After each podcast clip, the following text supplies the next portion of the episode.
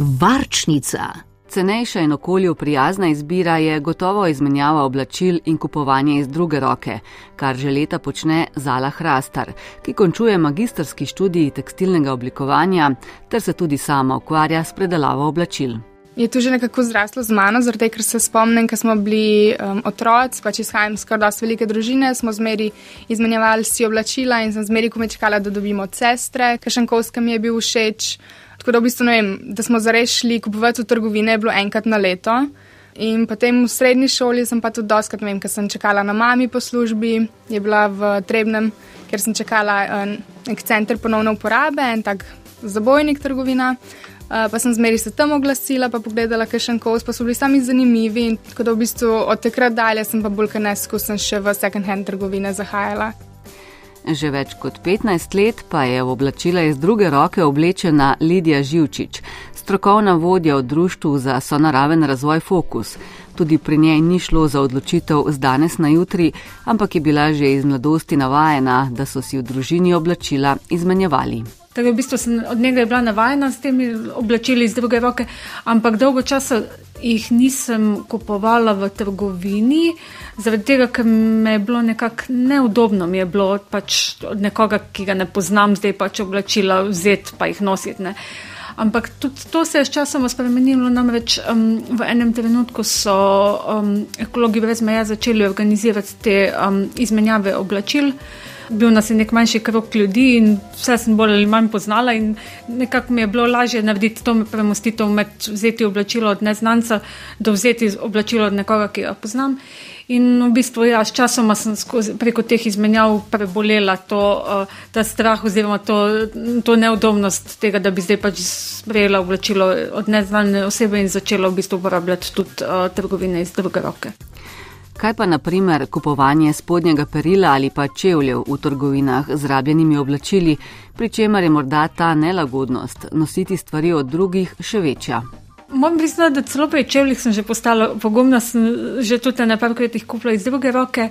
Recimo, ja, perilo je kaj takega, kar uh, kupim v navadni trgovini, ker ponavadi tudi tisto, kar je v drugi roki, je že nekoliko preveč ponošeno. Uh, Je pa res, da tudi spodnjega perila dosti dobim od sestre ali pa od mame, pa tako naprej. Tak, da nisem čist uh, sam na trgovino vezana. Uh, so pa ja, čevlje sem začela na zadnje kupovati tudi iz druge roke, čeprav moram priznati, da čevlje še pa tu pa tam uh, kupim kakšne nove, ravno pred kratkim sem si morala kupiti čevlje, ki ne prepuščajo vode, namreč ob vseh deževjih, ki smo jim bili priča v zadnjih nekaj tednih, sem bila vedno z mokrimi nogami in potem sem pač morala iti v trgovino. Zadnja, zares nova stvar, ki si jo je kupila Zala Hrastar, je bil boljši in za prenosnik prirejen nahrbnik. Tudi perilo raje kupi novo, pri čevljih pa je ugotovila, da se tudi v trgovinah z rabljenimi oblačili dobi kakšne res posebne pare. Pozitivni vidik je recimo lahko tudi to, da notr nimaš veliko podobnih kosov, tako da se lahko z njimi bolj izražaš, um, samo svoje. Potem lahko, recimo, če hodiš na izmenjevalnice, tudi poznaš podobno misleče ljudi. Um, jaz sem recimo eno prigodo, kašnih šest let nazaj, sem v second handu gledala en suknič in so se zaletele za eno punco, ki je v bistvu tudi nekaj gledala ta suknič. In to je bila v bistvu neka nor norvežanka, ki je bila na izmenjavi v Sloveniji. In potem so se začele pogovarjati, um, smo obe probale suknič, na koncu ga je ona kupila, ker je res bolj pasov. In smo še zmeri zdaj tudi v stikih. Um, tako pač lahko se neke take zanimive zgodbe spletejo. Oblačila, ki so v second-hand trgovinah, so ponovadi starejša in tudi v starih časih so bili kvalitetnejši materiali. Plus, verjetno so bila že veliko večkrat tudi oprana, tako da so se ta barvila, ki so dosta toksična, že sprala dol. Predvsem recimo tudi za otroke zelo dober, se, se mi zdi, da je praksa izmenjavanja oblačil za otroke tudi malo bolj pogosta, kar je res uh, dober, čeprav recimo lahko zelo pocen um, oblačila za otroke dobiš v trgovini, pa res popisana, pa zanimiva, ampak ne vem, ker spodbujete, da si izmenjavate otroška oblačila tudi starši med sabo. Ob tem pa s kupovanjem v trgovinah z rabljenimi oblačili lahko tudi prihraniš, saj so obleke načeloma cenejše kot v trgovinah s hitro modo. Kaj pa izkušnja sogovornic, ni morda ravno v tem past, da ob oblačilu, ki ga potrebuješ, kupiš še dva kosa, ki ju ne.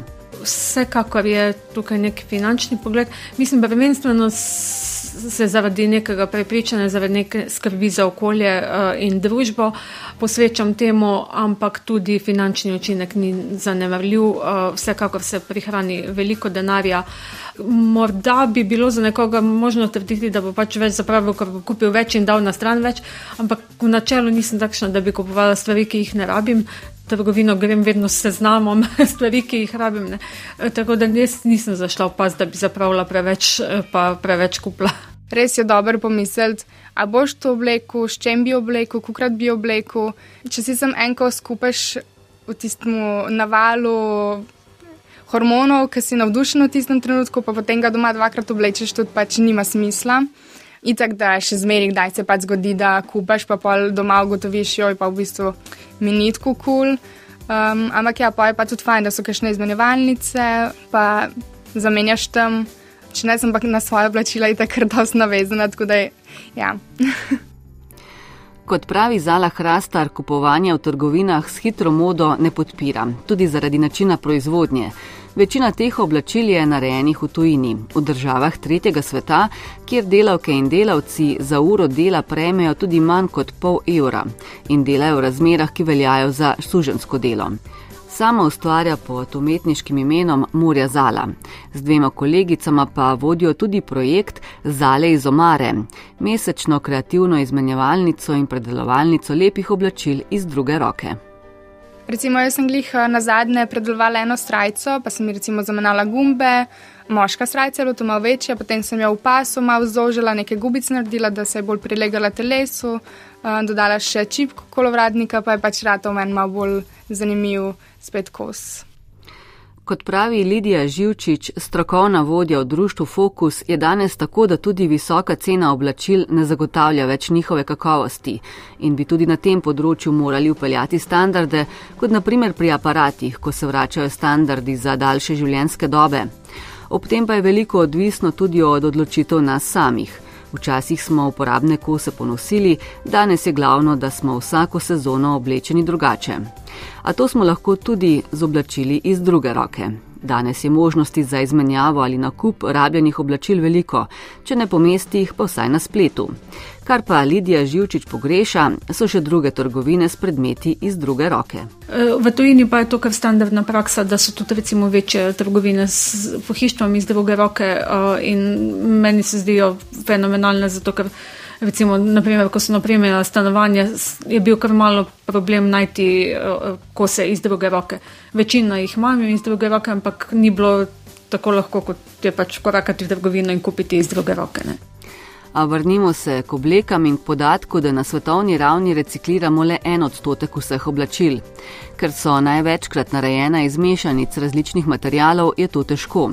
Odpadni tekstil pa je takoj za zavrženo plastiko izjemno hud okoljski problem.